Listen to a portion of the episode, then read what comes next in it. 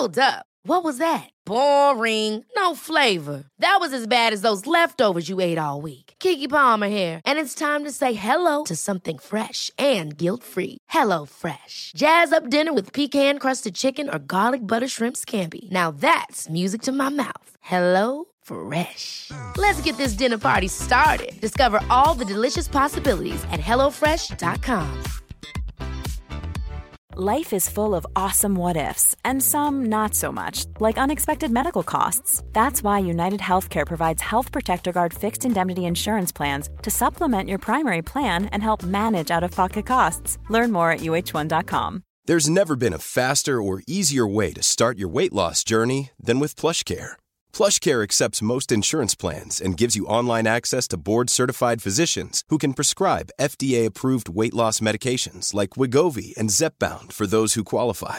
Take charge of your health and speak with a board-certified physician about a weight loss plan that's right for you. Get started today at plushcare.com slash weight loss. That's plushcare.com slash weight loss. plushcare.com slash weight loss.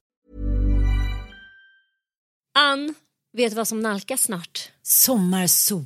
Och min berömda midsommarfest. Det är din älsklingstradition. Och vad passar då inte bättre än att vi denna vecka sponsras av Rusta? Jag drog iväg till Rusta och gjorde, du vet, den här episka inköpskavalkaden.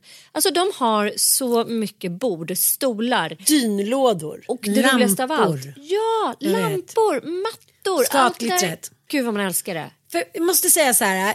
Det spelar ingen roll hur fina möbler du har. Om du inte har lullullet, Mm. de fina ljusslingorna, ljusen, lyktorna, blommorna. Kuddarna, Nej, mattorna. precis. de det måste utemattor. spegla Ja. livet, det underbara livet. Hörni, gör som vi. Gå in på Rusta och botanisera bland alla deras helt fantastiska utemöbler och allt sortiment av det vi väljer att kalla skatklitter för din sommarfest.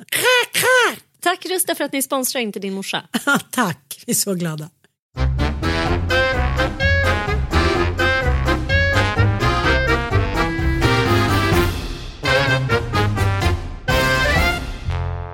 Välkomna till podden Inte din morsa. Välkomna, välkomna. Hur går det?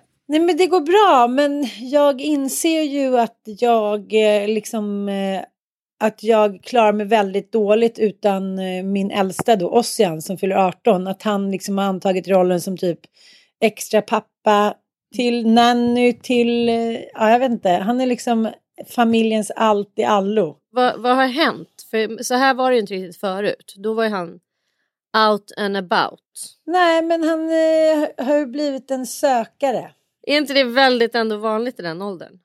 Det är Jo, då man absolut. rekryterar folk till sekter allra mest effektivt. Vet du vad jag tänkte på igår? Mm. Jag tänkte på eh, just nu att alla är så sårbara i den här coronatiden. Att man liksom man kan nog få många människor så lätt nu i och med att den psykiska ohälsan kommer skena. Och jag tänkte på den där Hasse Scheike, de typerna så här snuskgubbar som liksom startar sekter i typ norrländska skogar. Men då så tänkte jag att den eran kanske är förbi just med den typen. Han var ju liksom någon egen liten... Det finns en dokumentär Han om honom på P3, på P3 Dokumentär nu. Ja, Och den, alltså han präglade ju vårt, vårt 80-tal alltså, kan man ju lugnt säga. Ja. För att det var i oskyldiga Sverige så var ju det här alltså, något så häpnadsväckande knasigt liksom. Ja. Med denna som är- långhåriga hippiefarbror som i någon slags så här, äh, god, han hade ju ändå goda intentioner eftersom han hade då startat någon typ av terapeutisk verksamhet med smiskinslag och delade då sin vardag med flera kvinnor och hade väldigt alternativ syn. Men det sjuka var ju att han började då ta emot flickor på så här sommarläger. Var det inte det med liksom hästar och ja, men liksom så här någon liten privat eh, lägeridkare fast han då började smiska flickorna också. Precis.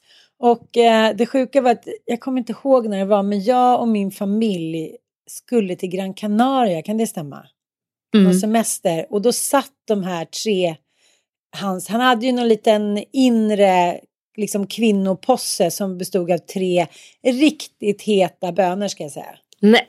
Det, ja, det var inga avlagda liksom, hippietantalor utan det var liksom frisörbettan. Det så snygga pager. Nej men du vet.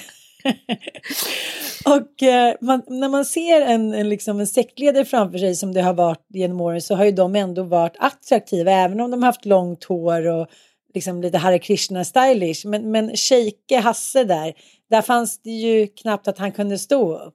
Ja, men... han var inte fräsch någonstans. Men han hade något. Han hade ju liksom en Jesus-lik approach med sitt långa skägg och långa hår och säkert extremt intelligent och vältalig. Och han är ju också en sån här Filip och Fredrik person, alltså en, ett, ett original minst sagt som eh, går emot strömmen och valde sin, att leva ett helt eget liv, ha ett eget liksom, universum så långt ifrån alla konventionella idéer som möjligt. Det måste man ändå ge dem. Så att jag menar bara på honom sådär utan smisk, han får gärna hålla på med sitt smiskterapi också. Men det blir ju vidrigt så fort man blandar in barn. Och det blir ja, ju ja. oavsett vad det är man ska göra så fort det är så här, religiösa konstiga eh, uttryck när barn då ska liksom blandas in i det. det. Det är då man bara fattar hur jävla kokoloko det är. Vi måste koppla, var, varför kom vi till det här nu? Jo men just det, uh, Ossian, sökaren, han är, han är ett lätt villebråd för shejker. Shejke, det tror inte jag. Men, Nej, det men tror inte som du heller. säger att vi lever ju verkligen i en tid där existentiella frågor plötsligt har poppat upp och kommit upp på tapeten, vilket jag måste ändå säga känns jävligt uppfriskande. Jag håller med jag håller med dig. Att folk Men... så ställer sig frågan varför vi är här, ska vi leva på det här viset och hur jävla lätt vi har haft att anpassa oss. Ja. Alltså helt plötsligt sen när man frågar människor ah, vad ska ni göra i sommar?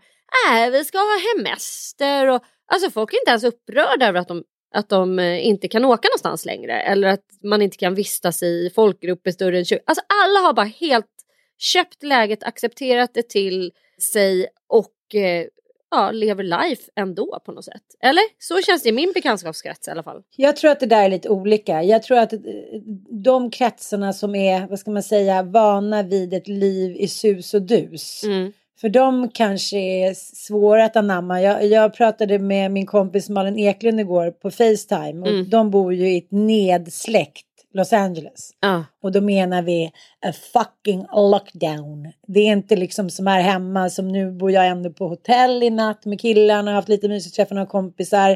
Eh, ja, men man kan gå och handla, man kan, eh, ja, men killarna spelar fotboll fortfarande. Ah. Det är klart att, det, att friheten i att så bara ramla hem hos folk man inte känner. Alltså, det finns en annan respekt och avståndstagande.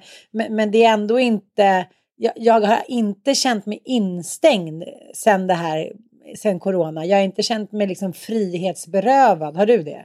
Nej, det har jag inte. Men förutom att jag tycker att det är, det är en mental del av mig som lider för att jag har jag har den här frihetsbehovet, alltså bara känslan av att man kan sätta sig på ett flygplan och åka till New York. För mig är den, den är alltid väldigt tröstande. Att så okej okay, det kan hända shitty grejer här men då kan jag alltid göra det här. Men det är på ett mentalt plan för, för sen i, i vardagen så lider jag inte överhuvudtaget. Det är när jag börjar tänka och får liksom de här existentiella tankarna. Så här, ska det vara så här ett år? Ska jag inte kunna åka till liksom, det låter extremt bortskämt men ska jag inte kunna åka till Thailand i vinter? Ja. Jag som hade sett fram emot det. Men, ja. men hon i alla fall, eller Malin går omkring då med så munskydd som hon liksom tar av sig och bara, men gud nu tar jag av mig det här, nu kan jag få eh, böter på 10 000. För man måste ha jag... munskydd där? Ja. Herregud. Och det är liksom, eh, de har haft hemskola i flera månader. Hon sa det är ingenting som är öppet, det är inte frisörer. Jag menar, Sigges brorsa, han, har, han är ju så här fri, storfräsar... Eh, Mäklare mäklare. Det är förbjudet att visa hus och lägenheter. Eh, hon har inte träffat liksom Karin och Isse och dem på typ sju veckor. Mm. Alltså de umgås med dem. Nu bor ju de grannar med Fredrik och så då umgås ju de liksom, ja men för att de är grannar och är familj. Mm. Men eh, annars är det liksom ingenting, ingenting, ingenting. Och, eh, och det är ju samma sak i New York. Där är det ju liksom ännu värre. Där är det ju hela Central Park är bara ett fältsjukhus. Nej. Folk har inte, jo, folk har inte gått ut på 8-10 veckor. Det är liksom, folk håller på att bli crazy bananas. Och jag tänker att om man liknar det med, det har gjorts lite sjuka undersökningar på, där de liksom frivilliga människor har då eh, gått in i eh, isoleringsceller och sett hur snabbt man blir eh, galen. galen liksom. Ja, men det här med att man känner förnimmelser i kroppen, man ser saker, man hör saker. Man blir liksom på riktigt galen och det går ju jävligt snabbt. Ja. På sådana så här klassiska du vet, forskarprojekt typ. Så jag tänker att vi, eh, kanske inte vi här i Sverige, men, men människor som sitter instängda i sina lägenheter såklart. Det går snabbt att man blir, att den psykiska ohälsan kommer smygande liksom. Men min brorsa sa i alla fall någonting väldigt eh, härligt och så här, tankeväckande igår. Vi träffades så, eh, med våra barn och kollade på en fotbollsmatch. Och eh, då sa han så här, förstå när den här skiten är över hur mycket cool musik som kommer att ha skapats hemma i stugorna. Dels för att människor som eh, kanske liksom inte har råd att li livnära sig som musiker utan måste knega istället. De har ändå fått bli permitterade och kan då sitta hemma och göra all den här musiken som de inte har haft ork och tid eh, att göra för att de, ja, man blir, alltså kreativ, kreativiteten dödas ju såklart av uh, att man blir utmattad och jobb, måste jobba med annat. Och med hur mycket böcker det kommer skrivas och hur mycket liksom extremt, ja, så mycket tavlor som kommer målas. Att så här, är det no, alltså efter den här lockdownen när man öppnar upp samhället så har vi ju att vänta en fucking folkfest. En sån här kulturell eh, explosion tror jag.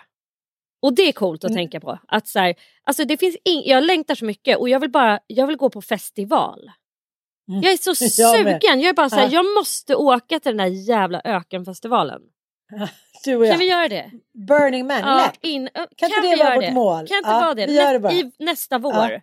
Ja. Om, om det här liksom har lagt sig då så måste mm. vi åka på Burning Man. På Burning Man, ja det måste vi faktiskt. Du och jag och Navid Modiri. jag vet inte, men okej, okay, du kan få honom med. Nej, men jag, jag, liksom, jag är så nyfiken på det där just för att eh, alla jag känner som varit där är liksom eh, frälsta. De, mm. de kan liksom inte riktigt förklara vad de varit med om, men de tycker bara att det är liksom eh, det sjukaste jag varit med om. Det är här, som en sån frihetskänsla. Och det, det ligger mitt ute i öknen. Mm. Eh, utanför eh, i Kalifornien va? Ja, någonstans där antar jag mellan Kalifornien och Las Vegas kanske. Ja, och där bygger de ju då upp varje år. Det, det handlar ju om att man åker dit. Det, det, kostar ju en jävla massa pengar att vara med om jag förstått rätt. Mm -hmm, mm.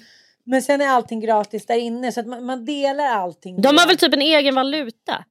Alltså Precis. det är någonting att man säger Alltså de har ju byggt som ett samhälle, ett, ett, eh, ett drömsamhälle där inne.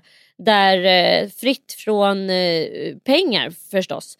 Och sen att man ändå så här håller på och bygger och gör saker. Det är inte så att man kommer dit och bara sitter och tittar på band utan det är ju en festival där folk liksom håller på med alla möjliga olika typer av kreativa eh, uttryck. Det byggs grejer, det byggs liksom hus där inne typ. Och det hålls på och säkert mycket så jobbiga grejer med gycklar och skit också men det kan man väl ha överseende med. En hel del droger. En hel del mycket droger. Sex. Uh, mm. uh, ja, men det, det, det, pågår väldigt mycket där men det som gör mig så jävla nyfiken är att ingen hittills, jag kanske känner 15 personer som har varit där och ingen har hittills lyckats förklara vad det är. Är det då vi tar med oss Ossian? För att ta hand om oss?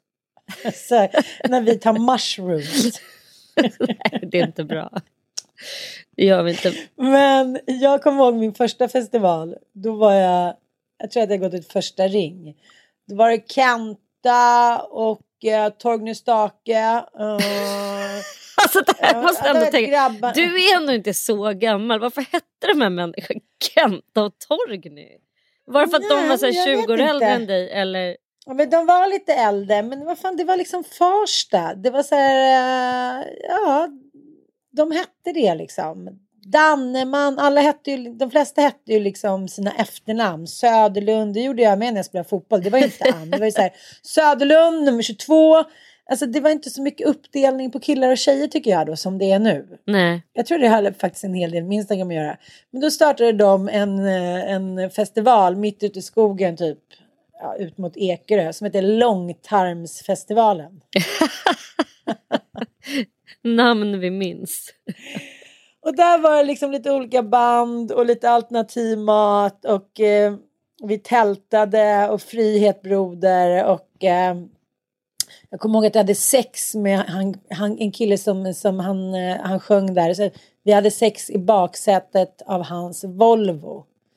Det var mycket fräscht alltså. Riktigt härliga minnen som dyker upp. Eh, sen, jag tror jag var där två år i rad. Sen förstörde det där mig lite. Så att, eh, sen har jag försökt vara på Lollipop och, och liksom lite olika festivaler. Men jag vill liksom inte sova över. Jag, jag är så här tantig. Jag vill åka hem. Jag vill se musiken och vara med. Och sen vill jag bo på hotell eller åka hem. Jag gillar inte... Blev du tantig så tidigt? Ja, jag, gillar, jag har aldrig gillat tältlivet. Nej, jag, jag, gick och, alltså jag började åka på festivalen när jag var 15. var jag då ja. Hultsfred första gången. Och då var det ju tältning och det var ju också det var ju det här friluftslivet kombinerat med den här galna festen. Och eh, ja, det sjuka i, alltså jag, min brorsa var ju ett år äldre så jag åkte ju med han och hans polare och liksom fick hänga med på nåder på något sätt. Så jag var ju alldeles för ung för att vara på festival men det var ju fruktansvärt roligt alltså. Så jävla kul. Och sen var det ju Roskilde. Och så hade man så här, kommer du ihåg det? Att man hade såna här armband så här, äh. som en liksom trofé. Hur mm. många så här, festivalarmband man hade. Och sen toppades mm. det hela med Lollipop måste jag säga. Det, det var ju ändå så jävla mycket 90-tal så att det finns inte. Alltså den var ju episk. Jamiroquai. Ja, Jamiroquai, Blur, ja. Pulp. Alltså alla stora ja. 90-tals. Eh, Suede var där. Det var liksom de hade ju lyckats få dit varenda stor 90-tals brittisk 90-talsakt eller även så här grunge-akter. Alltså jag, det var ju helt otroligt. På Lida friluftsgård ute i eh, eh Hud, Haninge, eh, Huddinge, alltså väldigt nära mig. Och det är så jävla sjukt. Jag, vi bor ju nära Lida och åker ofta dit och käkar på deras lilla mysiga värdshus. Och i, första gången jag kom dit då fick jag så här, för jag, jag kommer liksom inte ihåg var Lollipop var. Troligtvis för att man var så packad. Och att man bara satte sig på någon buss och så bara hamnade man där typ. Men när jag kom dit, du vet jag fick sådana flashbacks. Det var som att gå och valla på någon så här brottsplats. Man bara, Gud, jag känner igen den här slänten. Jag känner igen den här liksom, fan och så såg man du vet, så här, den orangea tältet och det där stod det tältet. Så helt plötsligt var det bara som ett så här, det, var, det var så surrealistisk känsla att, eh, att börja sätta ihop i sitt minne en patchwork och komma fram till att gud, det här, det här var ju liksom jag minns, mina fötter minns den här marken. Mm, men jag tänker om, om man ska prata om dåligt mående och psykisk eh, ohälsa som de då rustar för att det kommer skena. Ensamma äldre människor som redan mår skit och liknande. Om jag tänker på en sak, det här med grön rehab, det, har ju liksom, det är ju inget nytt att människor ska odla och liknande. Det var ju liksom redan menar, munkarnas idé på 1300 och 1400-talet och även i Rousseau-vurmen där på 1700-talet så var det ju mycket tanken om att vi skulle liksom ut i skog och mark och odla och barnen skulle få vara, ha en mer naturlig liksom livsföring bla bla bla. Mm. Men så tänker jag själv, eh, de minnen man har, starka minnen. Jag kommer ihåg eh, eh, men, du berättade när du hade träffat Micke första gången. Jag kommer ihåg när jag träffade Mattias, liksom när allting där i början. Du kommer ihåg att ni var på någon båt och under något träd på något gräs och sådär. Jag kommer ihåg när jag tänker på mig och Mattias, men då var vi på Gotland och jag, när jag kände att jag hade blivit kär, då blev jag så, liksom, blev jag så rädd så gick jag ut någon kohage. Alltså, jag minns mycket av naturen tillsammans med starka känslor. Förstår du mm, vad jag menar? Mm att det på något sätt går hand i hand. Att liksom, det sker inte inne i mörka stängda diskotek utan så här, där känslorna får blomma. Det är också där allting blommar på riktigt på något sätt. Mm. Håller du med mig lite nu när du berättar om, om Vi hade ju, ja gud ja. Alltså att det, och jag tror att det, det var så spännande. I Karlavagnen i torsdag så hade vi så här vårminnen. Eller liksom, alla kommer ju minnas coronavåren för all evig framtid. Mm. Men finns det andra vårar som du minns och varför? var liksom kvällens tema. Och då hade vi med en, en hjärnforskare eller en minnesforskare. Och eh, vi diskuterade med henne förstås hur det kommer sig att man minns vissa saker och att man inte minns andra grejer som kanske har varit livsavgörande. Eh, men då, då, tyck, då sa hon så här, men man måste ju liksom fråga sig vad, vad minnena har för funktion. För att jag var så här, men det här med nostalgi, att man plockar fram minnen och njuter av dem. Liksom, att man så här, sitter och gottar sig i, ja men du vet den där båten med Micke eller du med Mattis, du vet precis i den här kohagen hur det kändes och så här. Men hon menar så här, nej men det finns ingenting som visar att minnen har den funktionen, att man liksom ska götta sig som en godispåse. Däremot så eh, har minnena den funktionen att vi eh, har här, den här erfarenhetsbanken och kan liksom relatera till de här minnena. Så här, är det här bra för mig eller är det här dåligt för mig? Och därför minns man saker med väldigt stark emotionell koppling. För att våra emotioner såklart talar om för oss vad som är rätt eller fel. Eh, och, och, då kopplar man ju säkert det till olika bilder och så här, vi, vi, är ju, vi är ju djur så det är klart att så här, bilder av naturen präntas in i oss på något sätt. Tänker jag. Jag fattar. Det är som när mamma dog. Jag minns ju precis alltså hur jag kan, jag kan lukta på eh, det här snöblandade regnet eh, precis den dagen. Så bara, du vet precis den här känslan när det är väldigt fuktigt i luften och ändå kallt. Och någon typ av så här nordlig vind. Och, ja men det är jävligt spännande faktiskt. Jag tänker också mycket när man var liten. Också, här, det är väl också att våren och försommaren där är det väldigt starka dofter. Men nu när man cyklar Hagaparken här nere i Stockholm vid vattnet så är det så här, ja men häggen liksom har precis slagit ut. Och, har den gjort det hos er? Ja, och oh det, ja, men det, det är liksom så mycket dofter så att man bara så här, man blir helt hög. Och jag tänker att det är en del av liksom naturens påverkan att det kan alltid få en att känna sig ung igen. Liksom. Mm. Den där våren när man så här, men gick från studentskivan med så här, pumsen i handen och typ du vet, gick in i Gamla stan och så här. Mm. Livet var för alltid liksom. Det där så här, sjuder upp i en på något sätt när det är vår. Liksom. Mm. Och det är väl som Karin Boye skriver, så här, det gör liksom ont när knoppar brister för allting börjar om på nytt. Och då mm. blir man, man blir så jävla varse om sitt inre känsloliv på något sätt. Jag vet inte. Så känner jag i alla fall. Uh, och jag tänker också, om man tänker på människan nu, så hur det, corona påverkar, så tänker jag så här, om typ nio månader kommer det vara fett mycket skilsmässor, fett mycket nya barn. Jättemånga bröllop. För allt har blivit uppskjutet och allt ska ske ja. på samma gång. Så nästa vår, vi kommer att se alla körda och rökta. Det kommer att schema utan dess like. Hi, I'm Daniel, founder of Pretty Litter. Cats and cat owners deserve better than any old-fashioned litter. That's why I teamed up with scientists and veterinarians to create Pretty Litter. Its innovative crystal formula has superior odor control and weighs up to 80% less than clay litter. Pretty Litter even monitors health by changing colors to help detect early signs of potential illness. It's the world's smartest kitty litter. Go to prettylitter.com and use code ACAST for 20% off your first order and a free cat toy. Terms and conditions apply. See site for details. Ever catch yourself eating the same flavorless dinner three days in a row? Dreaming of something better? Well, HelloFresh is your guilt-free dream come true, baby. It's me, Gigi Palmer. Let's wake up those taste buds with hot, juicy pecan-crusted chicken or garlic butter shrimp scampi. Mm. Hello Fresh. Stop dreaming of all the delicious possibilities and dig in at HelloFresh.com. Let's get this dinner party started. Quality sleep is essential. That's why the Sleep Number Smart Bed is designed for your ever evolving sleep needs. Need a bed that's firmer or softer on either side? Helps you sleep at a comfortable temperature? Sleep Number Smart Beds let you individualize your comfort so you sleep better together. JD Power ranks Sleep Number number 1 in customer satisfaction with mattresses purchased in-store. And now, save 50% on the Sleep Number limited edition Smart Bed for a limited time. For JD Power 2023 award information, visit jdpower.com/awards. Only at a Sleep Number store or sleepnumber.com. Wow. Nice. Yeah. What you're hearing are the sounds of people everywhere putting on Bombas socks, underwear, and t-shirts made from absurdly soft materials that feel like plush clouds. Yeah, that plush. And the best part, for every item you purchase, Bombas donates another to someone facing homelessness. Bombas. Big comfort for everyone. Go to bombas.com slash ACAST and use code ACAST for 20% off your first purchase. That's bombas.com slash ACAST. Code ACAST.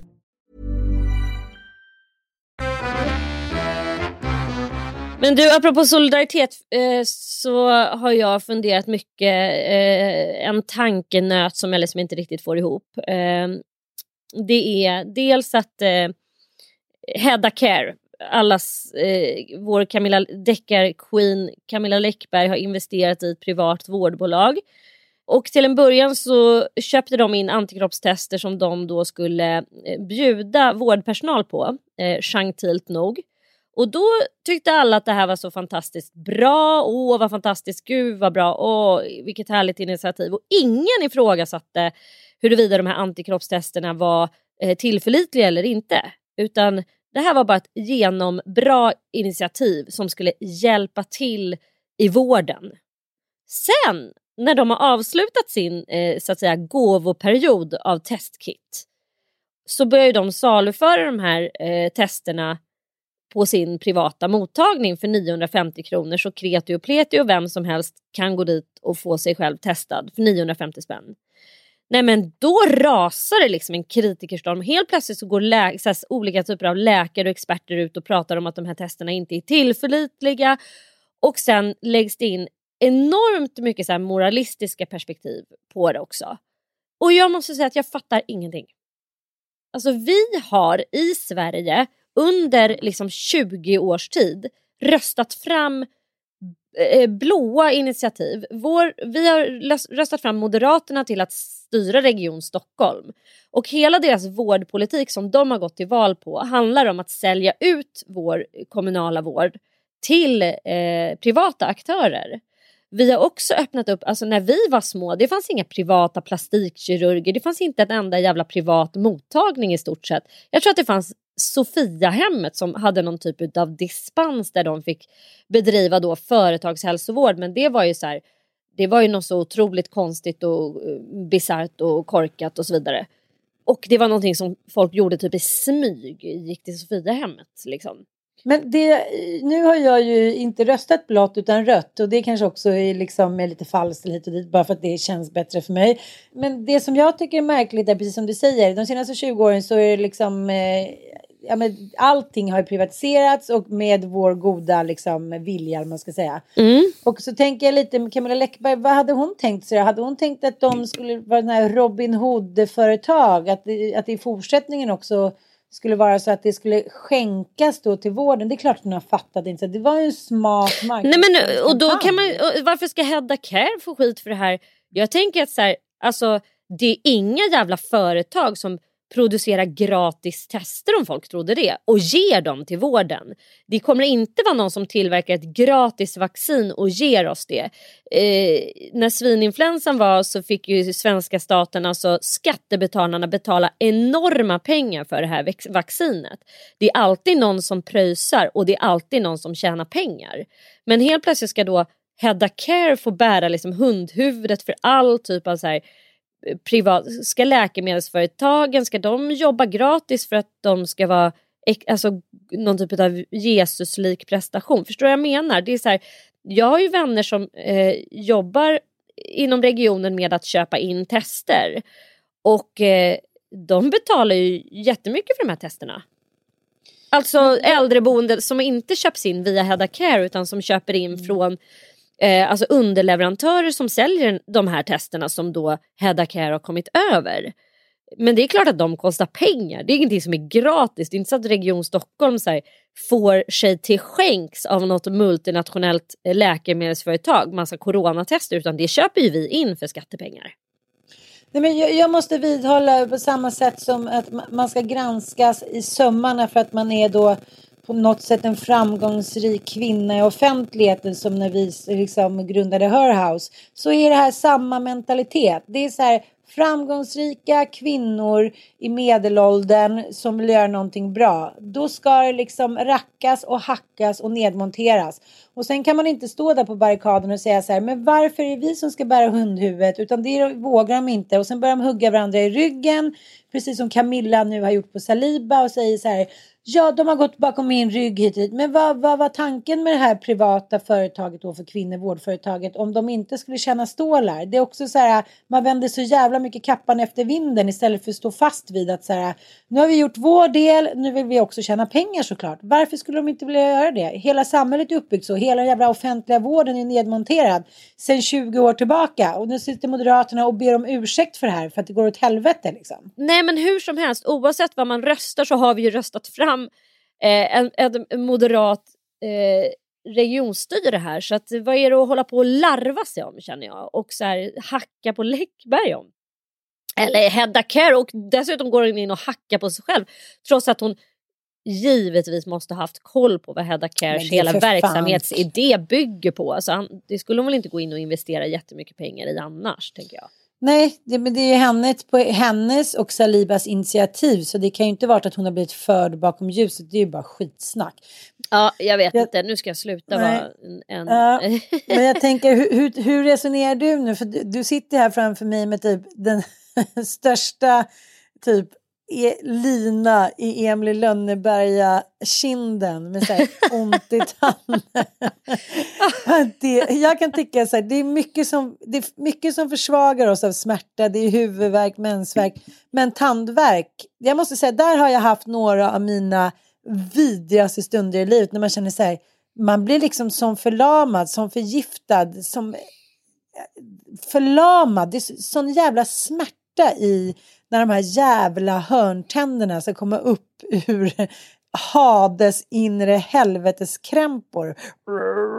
Ja men det är så sjukt. Och jag kan ju säga så här, jag har aldrig haft tandvärk. För jag har ju begåvats med en käft som inte Eh, drar till sig karies. Liksom. Jag har aldrig haft ett hål, jag har aldrig hållit på med någon så här rotfyllning och skit. Jag har haft tandvärk av den karaktären att jag har haft tandställning och alla tänder är lösa. Och det är ju liksom en mer typ av irriterande, det är ingen nervverk. Men nu har jag då alltså 42 år gammal snart fått eh, någon jävla visdomstandshelvete. Jag har ju två visdomständer som har kommit fram och så har jag opererat bort en visdomstand i underkäken som tryckte liksom, för den växte fel. Den tryckte mot eh, hela tandraden.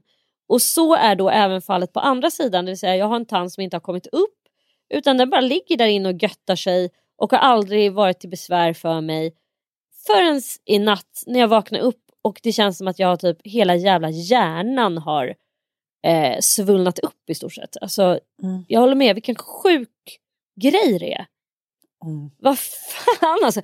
Så jag då var ju tvungen att då bara, för det första vad är det här? För man kan inte riktigt lokalisera var det sitter. Jag bara, gud har jag fått öroninflammation? Vad är, ja. vad är det här liksom? Eh, sen började jag trycka liksom, och bara, men gud det är sjukt ömt precis eh, på den här visdomstanden. Eller den ligger ju inbäddad fortfarande i tandköttet. Så det är ju obviously någonting som håller på att hända där inne. Antingen att den ska poppa upp eller att den att det har blivit någon infektion där. Jag vet inte. Eh, men det gör i alla fall sinnessjukt ont och jag har nu tagit då eh, en Citadon som jag hade efter att jag bröt handen när vi åkte till Järvsö. Så att jag är, nu mår jag okej okay, men det gör liksom fortfarande ont trots att jag har tagit den här ganska starka mm. värktabletten och är så här, äh, men det är sjukt. Jag vet mm. inte hur det här ska gå till. Men jag har då bokat en tandläkartid och det är tydligen så här att tandläkartider finns det otroligt gott om. För folk vill... i coronatider vill inte gå till tandläkaren. Nej, de är rädda för att någon ska andas på en. Nära. Nära, men de har ju för fan ja. munskydd och hela skiten och det är så steril miljö. Jag känner mig inte ett dugg liksom, orolig. Nej, det är bara en känsla. Det är bara en känsla, den är inte korrekt liksom. Den, det, det, ja. ja, men jag ska inte gå på känsla, jag ska gå och ta bort den här tanden. Eller ja, vi får väl se vad min kära Jörgen har att säga om det hela. Jag har, har jag lite eh, tips till dig då, hur man kan bli av med tandvärk. Om man inte ska göra som Lina Emil Lönneberga, typ låta en häst dra ut den. All... det är för ett tips. Ja, hon höll på i eh, upphöjning, har hållit på med det. Upphöjning? Ja, upp, det har jag gjort. Upp. Mm. Skölja med saltvatten. Det har jag inte gjort. Kryddnejlika. Kan du ha? Det har jag inte gjort heller. Men jag har, Kall kompress. Jag har googlat allt det där älskling. Ja, Såklart. Ja. Man blir som en sinnessjuk människa mitt i natten och bara börjar googla och så här, vad, vad, kan det här bero på? Hur kan jag bli av med det? Så här. Men jag har, som, jag har som sagt pulat i mig en värktablett och sen har jag kört någon typ av så här, jag har kört med tandtråd och försökt se om det här kan vara en bakteriell grej, om jag kan försöka få lite liv i den här inflammationen och rensa ut den själv och sköljt med så här vätesuperoxid och sånt där. Men den här har du inte testat? Nej. För de gamla grekerna trodde att grodan hade läkande krafter. Därför skulle den som hade ont i en tand fånga en groda, spotta grodan i munnen och be grodan att hoppa iväg med. Ja, men, vad, tror, vad tror du om nej den? tack. nej jag vill inte ha en groda i käften. Men innan vi avslutar här nu så eh, måste vi faktiskt eh, gå tillbaka lite till förra avsnittet där då vi eh, eh, bad vår kompis Fia Garvner Agogo Yes. att berätta lite om hur man skulle liksom hitta närheten och hur man skulle liksom finna något, eh, passa på att kanske fördjupa sin relation så här i coronatider. Mm. Och eh, det var ju väldigt spännande tips. Eh, ja men kärleksaltare och smeka varandra. Att inte alltid behöver vara liksom sluta med att man ska säga pippa. Nej hon hade ju härligt vis. hennes kärleksgrotta där att de gick in i en grotta och att det absolut inte be behövde resultera i då samlag utan att det handlade om att man bara så här, det är du och jag nu älskling och det kan vara allt ifrån att man äter en middag tillsammans till att just det här, så här enahanda sexkravet Mm. tror jag ställer till det för väldigt många. Så här, Jaha, då ska vi ha sex två gånger i veckan för det är tydligen då människor som har en bra relation, de har sex två gånger i veckan och då ska vi Ja. ha det. Alltså Mm. det tror jag ställer till det för sjukt många att man har någon slags så här, samlagskrav på sig. Men då har hon i alla fall, hon har tackat för avsnittet och sen så har hon också erbjudit sig eh, om du och jag och våra respektive vill bli lite mer inspirerade så vill de gärna dela med sig lite eh, till oss. Att de liksom lite teori blandat med praktik inom parentes på egen hand. Och då var jag så här, men gud ja typ, underbart, vi kan köra Zoom om ni vill så berättar vi gärna lite mer om vår resa, dela teori och praktik som vi kan inspirera. Vore kul att se vad som sker när vi delar kunskap och upplevelser. Vi vill båda bli lärare i Vedanta och Tantra. Och nu har jag så Vedanta. Vad är det? Måste Ja, jag genast googla här. Ja, det är så mycket nu. Och nu har jag ju... Eh, så att, eh, då pratade jag med en tjejkompis som eh, ja, bor ganska nära där vi bor. Och hon var så här, men gud, vi har sån slentrian i vårt sexliv. I'm in. Så hon ville så googla tantra. Så att, eh, jag känner att det här då, Vedanta, är då... Jaha. Det är en hindufilosofi, literally means the end of the Veda, Vedaskrifterna och sen kom då Vedanta. Eh, ja, det här verkar vara väldigt komplicerat men det handlar ju om att man ska studera skrifterna då. Helt enkelt. Vedas, ja, den indisk filosofisk riktning. Eh, Vedanta räknas som en av, de klassiska, eh, ja, en av den klassiska hinduismens sex skolbildningar eller filosofiska system. Den som har haft den starkaste anknytningen till hinduismens religiösa eh, system. Då. Ja, ja, men det är väl någon, någon filosofi då. Nice. Mm. Så nu ska vi ha Zoom. Ska vi, alltså, det här är så kul att jag ska få med Micke på det här. Ja, lycka till. Älskling, Eh. nu ska vi ha flerpartssamtal här med lite tantrapar. Nej men jag tänkte faktiskt verkligen, eh, vi behöver inte göra det tillsammans älskling, men jag tänkte verkligen eh, Ta tillfället i akt. Ja, och eh, nu har inte nu har Mattias jobbat så mycket så att vi har inte sett varandra. Men, men vad då? Man kan sitta på Zoom och få lite goda råd hur man ska fördjupa sin relation. I'm in. I mean, why not? Mm. Herregud, det är skitspännande. Och då så eh, när jag var tränare häromdagen så lyssnade jag då på ännu ett litet poddavsnitt med vår kära John Wineland. Ja! Ja. Din älskling. Eh, Ja, men jag är lite inne på honom och eh, han, honom kan man ju också eh, liksom anmäla sig på så här. It's in this small group COED coaching program you will learn practices that to create intimacy, leadership and love that is bold, heart connected and sacred. This program is yogic and meditative but not therapeutic or in nature. Bla bla bla. Och så kan man gå in då tillsammans själv eller tillsammans med den man älskar och så kan man liksom göra det här virtuellt. Men då lyssnade jag i en timme och 25 minuter på det här avsnittet och då sa han någonting tillsammans med, eh, det var, han var i, liksom gäst i, eh, i en podd.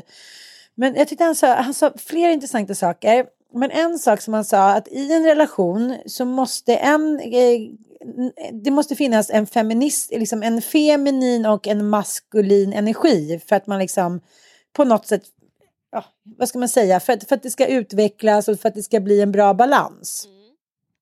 Men det han sa som jag tyckte var intressant är så här, nu behöver det inte vara mannen längre som har den maskulina energin. Mm. Utan det kan man ju liksom eh, ja, byta om det passar bättre att kvinnan har det hit och dit. Och det där fastnade jag ganska mycket i att många relationer tror jag blir så här, men han är så jävla toffel, han sitter i baksätet. Du vet hur många gånger man har hört kvinnor som är så missnöjda. Så här, äh, han sitter bara i baksätet, han kan ingenting och då blir det så att jag måste rodda allting hit och dit. Men tänk om det är så då? Tänk om han är den feminina energin i er relation? Tänk om man bara uttalat kunde säga det, att det, det har liksom ingenting med historien att göra eller liknande, utan i den här relationen kanske det passar bättre att jag är den som styr lite mer och leder och du är den som eh, har de feminina. Skulle det vara så himla kränkande? Det han syftar på tror jag, istället för att prata om manliga och kvinnliga energier så tror jag att det är den här dikotomin man eh, strävar efter, alltså yin och yang. Och man kan bara strunta i att lägga en könsaspekt på det utan att det måste vara som, för det tror jag verkligen för att det ska kunna uppstå den här kemin och eh, sex, den sexuella laddningen så måste det finnas eh, alltså det här med att man ska bli varandras bästa vänner och hela den biten. Så här, Åh, min bästa vän och så här. Ja, det tror jag kan vara jättebra för att fördjupa relationen. Men för mig så måste det ändå finnas hemligheter för att jag ska bli äggad. Mm, mm. Det måste finnas hemligheter och det måste finnas det här oväntade och att jag så här, får se någonting kanske oväntat och, och att min då partner, det är skitlarvigt, men att Micke har ett eget liv. Det är sjukt mm. viktigt för mig. Och det är därför jag tror att det har funkat så bra med ett särboliv. För att när man går runt och är med varandra 24-7 och fan vet vad den andra har liksom för avföringsvanor. Det är inte mm. sexigt.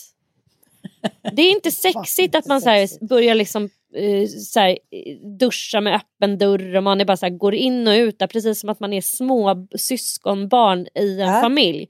Utan så här, det måste finnas någon känsla av att så här, här är vi två vuxna människor som har varsitt liv som vi lever på egen hand. Och sen kan vi ses och vara tillsammans i det och dela eh, stora delar av vårt liv med varandra. Men det, det, måste finnas det andra också. Ja, nej, jag håller verkligen med dig. Men, men jag tänker också att när vi klagar på varandra eller liksom man uttrycker någonting så bakom varje klagomål så finns det ju någon önskan om att det är någonting man behöver. Mm. Och då säger han också att han kallar det för double up. Att när man liksom tycker att man, man har berättat någonting så ska man liksom berätta det en gång till, ännu tydligare. Att man hela tiden tror det, att alla människor läser ens tankar och liknande. Och det tycker jag var ganska bra det uttrycket double up. Men så sa han också någonting som är så jävla sant och som vi faktiskt inte kan sticka under stol med, även om vi inte behöver tjafsa om biologi och hit och dit. Men män är ju faktiskt, för man tänker så jävla själviskt, han tänker bara på sig själv, han ser inte mig, han fattar inte mina behov. Nej, för att män, ursäkta uttrycket, men är liksom programmerade att tänka på sig själva för artens överlevnad och fortlevnad. Om mannen eller liksom den maskulina delen i en grupp har börjat tänka på liksom övriga lilla gänget där på 30 personer i första han gör, då har ju den här gruppen dött inom loppet av 24 timmar. Vadå, är det här, är det här någonting som är så en teori eller är det här studier som har gjorts? Och vem har den här teorin? Ja, det har John Weiler. Han har hittat på den lite själv. Nej, nej det känns men, helt men, trovärdig. Nej, men om du tänker, vadå, det, det, har du väl läst, om du tänker på liksom artens utveckling så har ju mannen varit en, en jägare i hundratusentals år. Att det är så här, okej, okay, kvinnan har varit hemma och tagit hand om barnen i grottan och sett till liksom, hemmets här medan mannen är programmerad att gå ut och döda för artens överlevnad. jo, fast, nej, fast samtidigt om man läser i Jovar, alltså eh, Homo sapiens. Johar Blå. Johar Blå. Nej men du vet eh, den historikern, israeliska historikern som har skrivit Ah, de här ah, fantastiska böckerna om liksom, mänskligheten. Då, då menar ju han att eh, människor oavsett om vi är kvinnor eller män så är det just vår eh, bekymran och eh, eh, omsorg om gruppen som har gjort oss så eh, effektiva i att överleva för att kunna mobilisera eh, grupper och, och också till och med mobilisera och samla ihop grupper som är så stora att vi inte ens, alltså till exempel en hel, ett helt land då och nu en hel liksom, värld. Att man eh, hittar olika typer av värden. Så jag tror nog att män absolut har någon form av omsorgsförmåga men kanske att den ser lite annorlunda ut och eh, att kvinnors och mäns drivkrafter kanske ser olika ut. Eh, till att så att säga hålla samman gruppen. För att det finns ju, det finns ju faktiskt studier på att män som blir av med sin familj de eh, mår ju fruktansvärt dåligt av det. De blir inte starka. De blir de blir inte starka av det och de mår ju fruktansvärt dåligt och går ju liksom djupa Mm. depressioner till mötes och blir ju ineffektiva på alla sätt och vis och sämre versioner av sig själva. Medan Mm. kvinnor då som förlorar eh, sin partner då i en skilsmässa de går inte det ödet till mötes utan de har ju oftast dels goda relationer till sina barn, de har oftast lyckats bevara vänskapsrelationer och jobbat så att säga på det här sociala planet. Det jag tro, tror det handlar om, jag tror att det är mer än eh, den här, vår västerländska kultur, eh, kapitalismen och eh, även liksom vår västerländska kultur där allting ska gå att konsumera. Att många män fostras till i vår värld att skaffa sig saker. Man skaffar sig en fru och sen skaffar man sig barn och det är på något sätt ägodelar. Bil. Man skaffar sig en bil och så skaffar man sig ett hus och sen är man en lycklig person eh, som står högt upp på eh, den hierarkiska skalan. Liksom. Då har man lyckats med det och till saker har man ju då inga relationer förstås. Och när man börjar se människor som saker, det här är grovt förenklat och generaliserat förstås men Eh, alltså, se det bara som en bild och en teori om varför män är dåliga på relationer så tror jag det handlar om att, att män fostras i högre grad till att eh, eh, anförskaffa sig saker och det kanske ligger någonting i det här jägarperspektivet som du nyss då drog upp. Liksom. Att så här, man ska ha saker bara.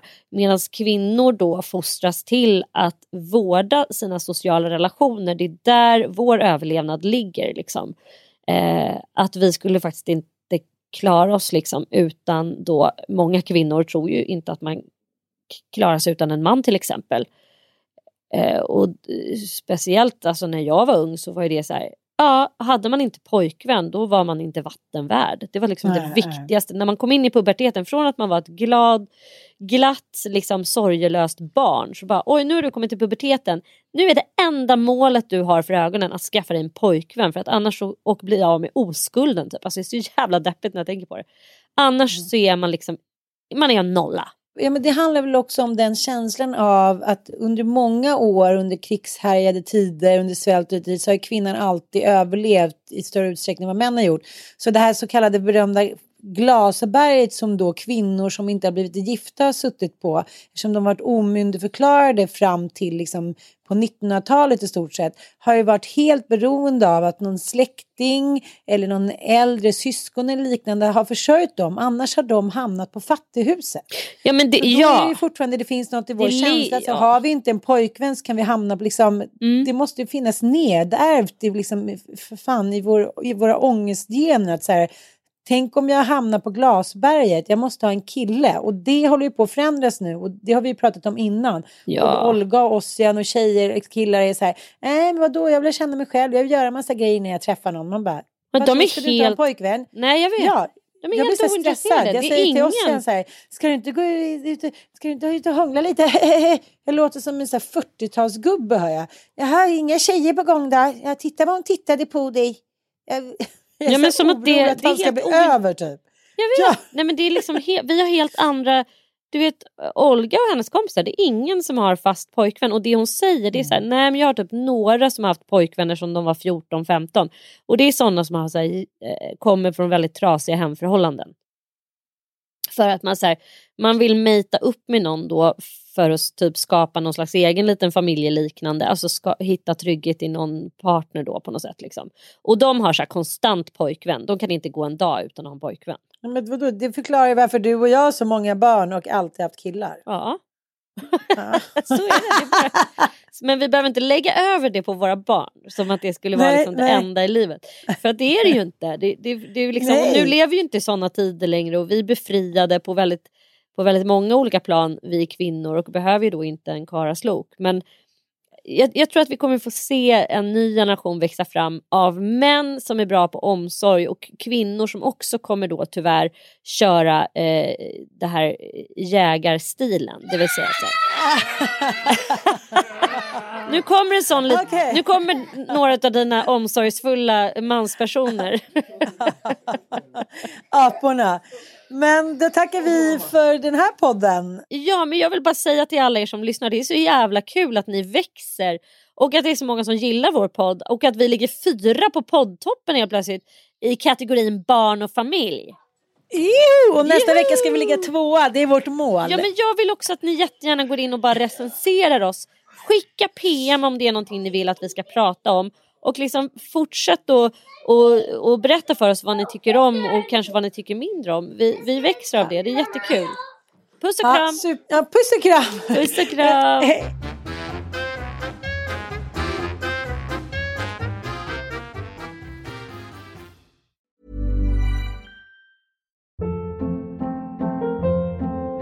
Hold up. What was that? Boring. No flavor. That was as bad as those leftovers you ate all week. Kiki Palmer here, and it's time to say hello to something fresh and guilt-free. Hello Fresh. Jazz up dinner with pecan-crusted chicken or garlic butter shrimp scampi. Now that's music to my mouth. Hello Fresh. Let's get this dinner party started. Discover all the delicious possibilities at hellofresh.com. Hi, I'm Daniel, founder of Pretty Litter. Cats and cat owners deserve better than any old fashioned litter. That's why I teamed up with scientists and veterinarians to create Pretty Litter. Its innovative crystal formula has superior odor control and weighs up to 80% less than clay litter. Pretty Litter even monitors health by changing colors to help detect early signs of potential illness. It's the world's smartest kitty litter. Go to prettylitter.com and use code ACAST for 20% off your first order and a free cat toy. Terms and conditions apply. See site for details. Imagine the softest sheets you've ever felt. Now imagine them getting even softer over time. That's what you'll feel with Bowl and Branch's organic cotton sheets. In a recent customer survey, 96% replied that Bowl and Branch sheets get softer with every wash. Start getting your best night's sleep in these sheets that get softer and softer for years to come. Try their sheets with a 30-night guarantee. Plus, get 15% off your first order at bowlandbranch.com. Code BUTTERY. Exclusions apply. See site for details.